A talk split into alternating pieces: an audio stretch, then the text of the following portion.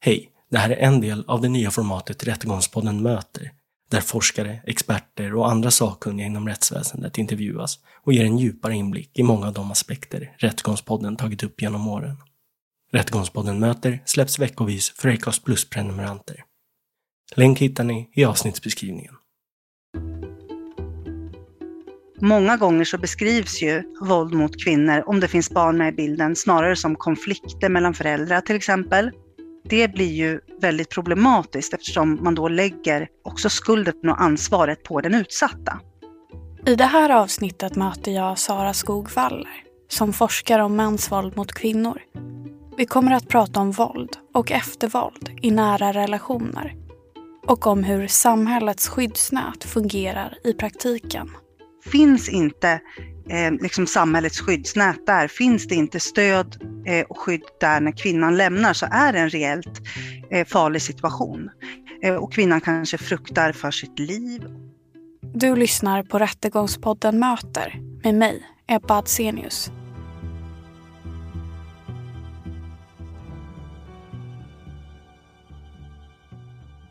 Det finns många myter om våld i nära relationer, till exempel att det skulle vara ett dolt problem.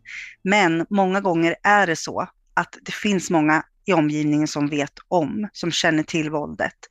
Och när omgivningen och kanske olika samhällsfunktioner inte agerar så kan det bidra till att normalisera våldet. När jag möter Sara Skogvaller är hon lektor i psykologi på Högskolan i Gävle Forskningen hon bedriver handlar främst om eftervåld. Det vill säga det våld som kan fortsätta efter att en kvinna har lämnat en våldsutövande partner. Sen är det också så att jag tidigare har varit ideellt Hej, jag Ryan Reynolds. På Mint Mobile, we like to do the opposite of what Big Wireless does. They charge you a lot, we charge you a little. So naturally, when they announced they'd be raising their prices due to inflation, we decided to deflate our prices due to not hating you. That's right. We're cutting the price of Mint Unlimited from $30 a month to just $15 a month. Give it a try at mintmobile.com slash switch. $45 upfront for three months plus taxes and fees. Promo for new customers for limited time. Unlimited more than 40 gigabytes per month. Slows. Full terms at mintmobile.com. Hey, it's Ryan Reynolds, and I'm here with Keith, co-star of my upcoming film, If, only in theaters May 17th. Do you want to tell people the big news? All right, I'll do it. Sign up now and you'll get unlimited for $15 a month in six months of Paramount Plus Essential Plan on us. Mintmobile.com slash switch. Upfront payment of $45 equivalent to $15 per month. Unlimited over 40 gigabytes per month. Face lower speeds. Videos at 480p. Active Mint customers by 531.24 get six months of Paramount Plus Essential Plan. Auto renews after six months. Offer ends May 31st, 2024. Separate Paramount Plus registration required. Terms and conditions apply if rated PG. I'm Sandra, and I'm just the professional your small business was looking for. But you didn't hire me because you didn't use LinkedIn jobs. LinkedIn has professionals you can't find anywhere else, including those who aren't actively looking for a new job but might be open to the perfect role, like me. In a given month, over 70% of LinkedIn users don't visit other leading job sites. So if you're not looking on LinkedIn, you'll miss out on great candidates like Sandra. Start hiring professionals like a professional. Post your free job on linkedin.com/people today. Engagerad inom kvinnojouren och genom det så har jag ju sett liksom utsatta, våldsutsatta kvinnors och barns livssituationer och hur omöjligt eller svårt det kan vara att bli fri från våld. Och ofta på grund av att samhället saknar verktyg eller inte använder verktyg som finns för att skydda och hjälpa de här kvinnorna och barnen att bli fria från våld. För att förstå varför det är svårt att bryta sig loss från en våldsutövande partner behöver man ha kunskap om hur våldet ser ut. Gärningspersonen bryter ofta ner offret successivt under en längre tid och hos den som blir utsatt uppstår ofta en normaliseringsprocess. Det betyder att våldet som sker i hemmet till slut kan kännas normalt och att man glömmer bort hur det kändes att inte leva i en våldsam relation. Våldet börjar ju kanske mer subtilt. Det är sällan det börjar med, med liksom ett slag. Först är det mer eh, subtila saker. Kritik om hur personen vad personen har på sig, hur personen pratar, vad personen lyssnar på för musik, eh, vilka personen umgås med eh, och så vidare. Eh, och det kan också vara kritik mot sånt som, som personen inte kan ändra på, till exempel hur det låter när du tuggar eller hur du luktar eller hur din röst låter. Eh, det har jag mött, mött många kvinnor som har beskrivit. Eh, och det är ju sånt som blir ett angrepp på identiteten och på på personen. Men sen kan det här ofta eskalera och där är kontrollen en central del, i alla fall när det gäller mäns våld mot kvinnor, att kärnan i våldet ofta är att kontrollera kvinnan. Där är kontroll av sociala relationer ofta central. Ehm, just att begränsa tillgången till sociala relationer. Ofta kan det ju vara svartsjuka också, riktat mot andra män. Men det riktas också ofta mot kvinnans vänner och familj och så vidare. Och det innebär ju också att alltså det sociala skyddsnätet på något sätt, nätverket, det krymper och till slut har kvinnan kanske inte så många andra referenser eh, för att tolka vad som händer och, och vem hon är än mannens. En person som, har, som lever i den här typen av relation är ofta inriktad bara på att överleva, så att det är här och nu som gäller, överlevnad här och nu. Eh, och man kanske inte kan se så långt framåt. Hur skulle jag må om jag kom ur den här relationen? Hur ska jag må om ett år, om fem år och så vidare? Utan det är överlevnad här och nu, dag för dag.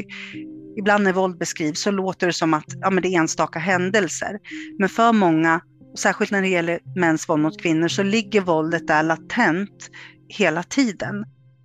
Enligt Sara Skogvaller är det vanligt att personer ställer sig frågande till varför kvinnor som blir utsatta för våld inte väljer att lämna eller polisanmäla. Dessutom beskrivs de ofta som irrationella och ologiska. Men de kvinnor som jag har mött, de är ofta istället otroligt rationella utifrån sitt handlingsutrymme, som ofta är väldigt litet. Och när en kvinna är på väg att lämna en relation så är det ju liksom i realiteten en farlig situation. Rättegångspodden har tagit upp fall med kvinnor som blivit mördade av en våldsutövande partner i samband med separation. Men det finns också fall där offret har klarat sig och gärningsmannen blivit dömd. Inför den här intervjun har Sara Skogvaller lyssnat på Rättegångspodden och förhållandet i fångenskap. En serie om Alexandra där hon själv berättar om det våld hon länge utsattes för i sin relation det här fallet som jag hade med i Rättegångspodden om Alexandra, hon beskriver ju hur rädd hon är för att polisanmäla, eh, för att berätta för polisen vad hon har gjort. Att antingen måste hon berätta allt eller inget ungefär och att hon väger de här riskerna mot sannolikheten att, att hon faktiskt blir skyddad, att han faktiskt blir dömd. Det är också ett väldigt omfattande fysiskt våld eh, här.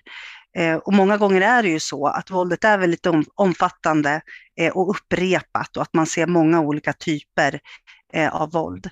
Vi ser också hur våldet eskalerar under relationen och hur Alexandra undan för undan anpassar sig, anpassar sitt liv för att inte eh, göra något som, som kan trigga, om man använder det ordet, trigga det här våldet eller hans ilska Um, så på så vis är det ju, det är ofta så det kan se ut. Um, och jag tänker också på det här viktiga, uh, hur svårt det är för henne att faktiskt ta sig ur relationen. Mycket för att hon är, hon är så rädd, hon är livrädd för vad som händer uh, om hon lämnar honom. Och han har ju också hotat henne. Och hon känner också någon form av ansvar för att hon har lovat honom att inte berätta. Så det är sådana här saker som är, det är ganska vanligt att hon blir antagligen så eh, insluten i hans värld och hans sätt att tänka, att det är hennes ansvar att våldet inte eh, avslöjas. Eh, så att det är det hon tänker på.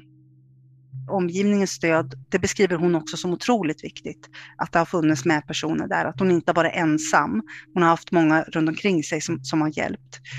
Ehm, så det, det, är otroligt viktigt. Men sen också att hon blev trodd och det här ledde faktiskt till en fällande dom.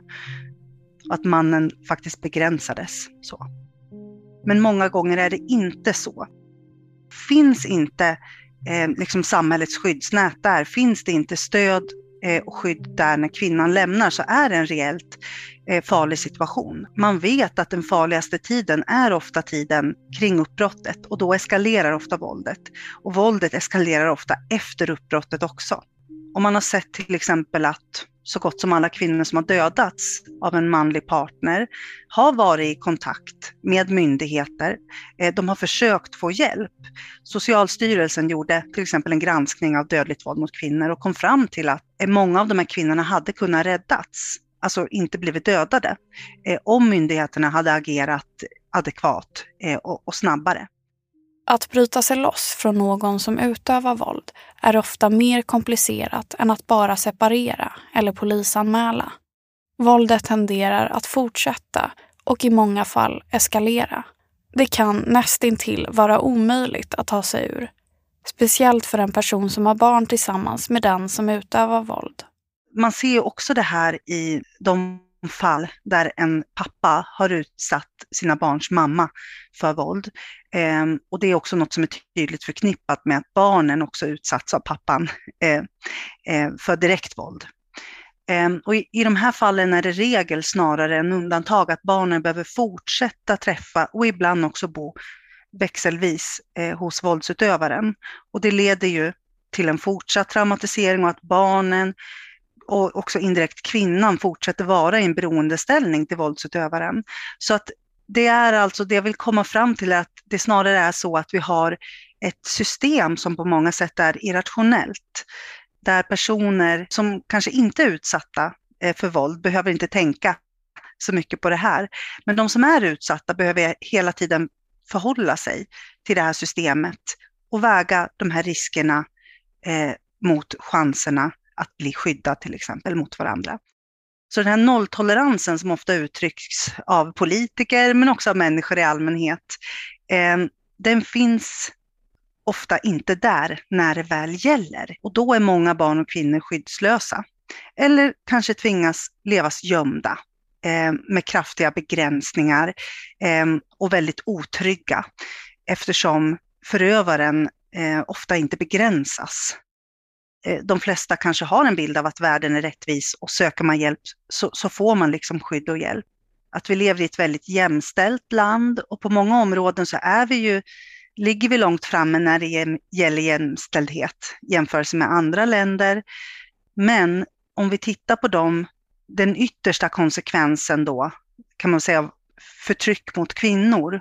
Om vi tittar på kvinnor som dödas i nära relationer eller som utsätts för våld eh, av manliga partners så ser vi ju en helt annan bild.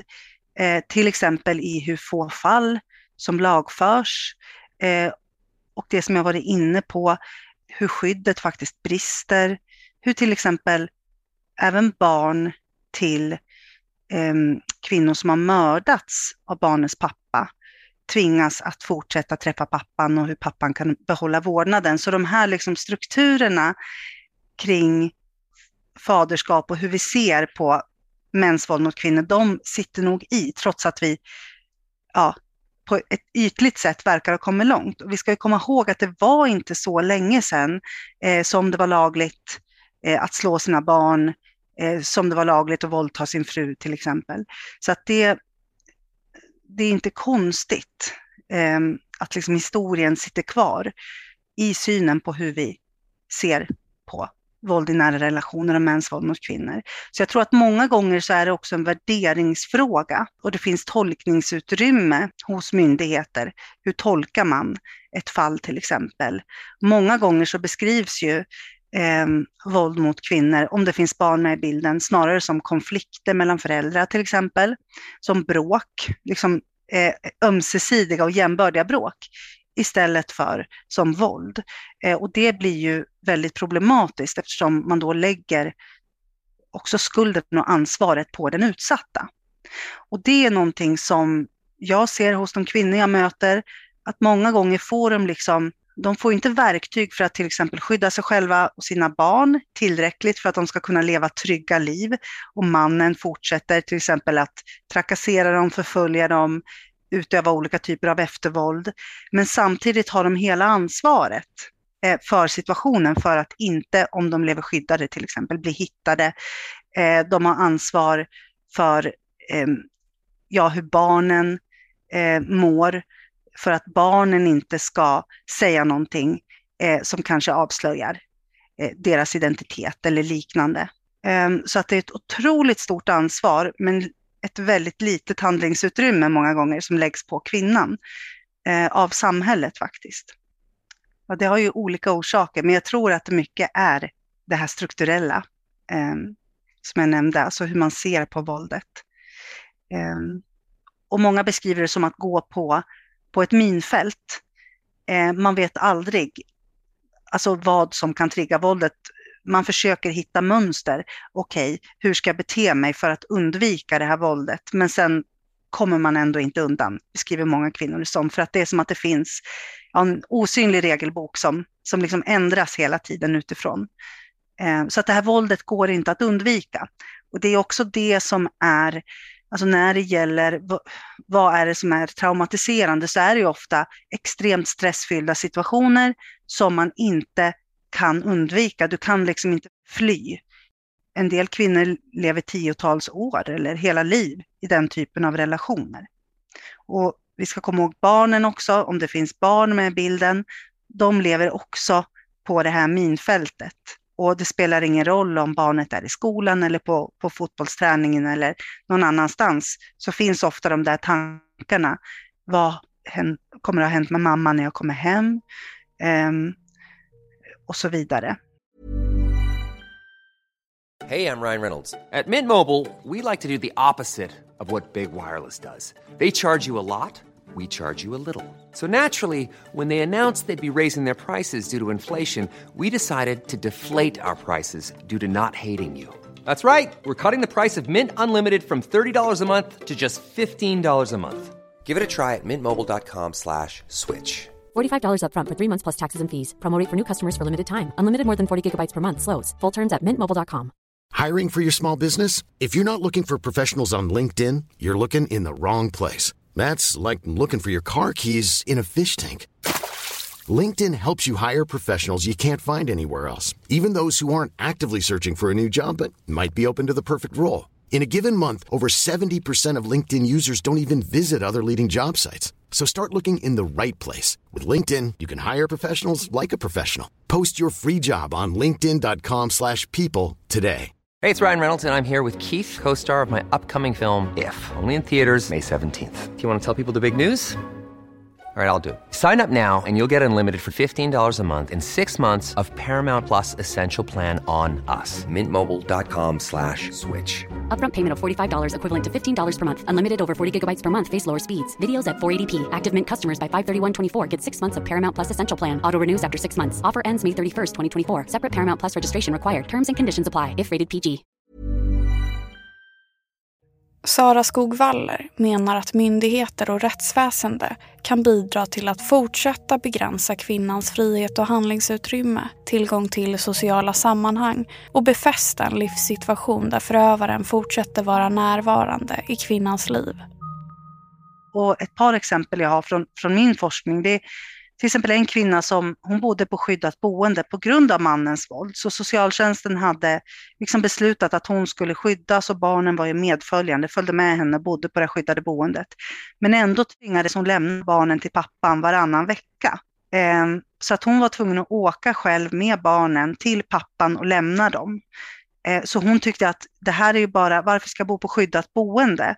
Eh, det är en begränsning för mig eh, att bo här och det blir inget skydd.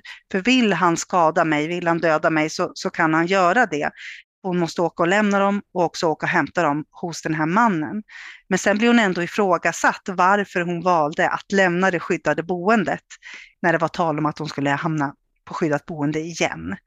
Eh, så att här ser man liksom hur, hur kvinnan hamnar i en väldigt svår situation och tvingas ta ansvar och utsätta sig att man tänker att kvinnan behöver skydda från pappans våld men inte barnen, utan de behöver ändå åka dit. Och då, då har man missat det här att våldet utövas inte liksom eh, bara i relationen, det är inte något som är separat sådär och bara utövas i relationen mellan mannen och kvinnan. Om den är över så är problemet löst, utan barnen är ju allra högst, liksom, i högsta grad eh, berörda av våldet och hamnar kanske ofta också i våldets centrum. Sen ett annat exempel, ja, en kvinna som, som var utsatt, hade varit utsatt för våld då eh, av en man som hon också hade ett gemensamt barn med och där pappan då var kriminellt belastad och även efterlyst. Men samtidigt eh, som han var efterlyst så ordnar socialtjänsten umgänge med umgängesstöd mellan pappan och barnet. Eh, och barnet är så livrädd för pappan att hon, hon liksom kräks innan hon ska träffa honom. Och trots att han är efterlyst så måste barnet ändå liksom fortsätta att träffa pappa. Och här kan man verkligen se att det finns glapp mellan olika eh, myndigheter då. Och på ett sätt erkänner man våldet, till exempel när kvinnor har skyddade eh, personuppgifter eller bor på skyddat boende, men samtidigt erkänner man det inte riktigt. För till exempel barnen måste ändå fortsätta träffa pappa och pappan, eh, ja, våldet lagförs kanske inte. Så att det blir väldigt svåra situationer för de här kvinnorna och barnen att de hamnar många gånger mellan stolarna. Vad möter mannen för responser? Det är också intressant. Vad får mannen, eller den våldsutövande mannen ska jag säga, för responser från samhället på sitt våld? Ja, men vissa av kvinnorna beskriver till exempel att ja, mannen har kunnat eh, bo kvar i ett hus som hon eh, äger eh, och att det har tagit väldigt lång tid att få tillbaka det här huset, att få ut mannen, för det finns liksom inga medel att få ut honom direkt på laglig väg. Ehm, Kvinnor berättar att män kan fortsätta att trakassera dem, söka upp dem och hota dem utan att mannen till exempel får kontaktförbud eller att samhället kan hindra mannen eller att polisen kan hindra mannen från att göra det här.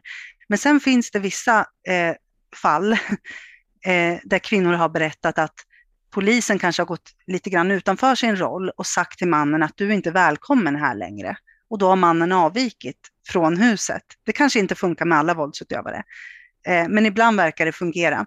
Ehm, en kvinna, hon blev utsatt av en man som bodde i ett annat nordeuropeiskt land. Eh, när de var här i Sverige och han förföljde henne, eh, hon blev liksom, ja, trakasserad, fick väldigt många sms varje dag eh, med hot och så. Här kunde polisen inte göra någonting och han fortsatte bara. Sen flyttade hon eh, till ja, ett annat nordeuropeiskt land eh, och den här mannen också, fast de bodde i olika städer och han fortsatte sina trakasserier och sin förföljelse. Eh, men när hon då ringde till polisen där, då tog de kontakt med den här mannen direkt och sa att skickar du ett sms till så kommer vi att arrestera dig. Och han upphörde direkt och har sedan dess inte skickat ett enda sms eller försökt ta, ta, kontakt med henne. Så det verkar som att, och det är inte så konstigt om det är så, men att de responser som våldsutövaren får är, från samhället är väldigt viktiga. Och får man då responsen att det är fritt fram eh, så är det kanske lätt att fortsätta och, och kanske också ta sig den rätten att fortsätta utöva våld. Så det där tycker jag är minst lika viktigt, vilka responser får får de här våldsutövande männen från samhället och vad, hur påverkar det deras beteende? Ehm, ofta finns det ett stort fokus på att våldet måste upptäckas i högre grad och det, det är ju bra. Eh, man måste arbeta med en ökad upptäckt, för som vi vet så är det ju bara en liten del av det här våldet som kommer till myndigheternas kännedom. Omkring bara 5% av våld i nära relationer som, som anmäls. Eh, men man behöver också jobba på den andra sidan, som, som jag har varit inne på. Alltså vad har vi då att erbjuda eh, de som söker hjälp och stöd, de som anmäler? Ehm, och där behöver liksom stödet och skyddet stärkas upp på många sätt. Så att det behövs också förändringar i lagstiftning, menar många, eh, för att begränsa våldsutövaren. Många kvinnor säger att ehm, det riktiga helvetet började sen. Att det han utsatte mig för var fruktansvärt. Men eh, det som hände sen var ännu värre. Just det här att man förväntar sig att samhället ska finnas där. Eh, att man ska slippa det här våldet när man har lämnat, man har gjort allt rätt och sökt hjälp. Men så blir det inte så. Eh, och många kvinnor jag mött beskriver det som ett värre trauma än själva våldet i relationen. Att det här som de kallar för samhällets våld och eftervåldet, att det har varit ett värre trauma mäns våld mot kvinnor förminskas och omförhandlas. Inte bara i allmänhet men i avgörande myndighetsprocesser som skulle kunna hjälpa eh, och skydda kvinnor och barn. Män behöver ta, ta ett större ansvar för att motverka våld. Att det, det är ständigt kvinnor som, som lyfter debatten. Du har lyssnat på en intervju med forskaren Sara Skog Waller av mig, Ebba Adsenius. Producent Nils Bergman. Tack för att ni lyssnar.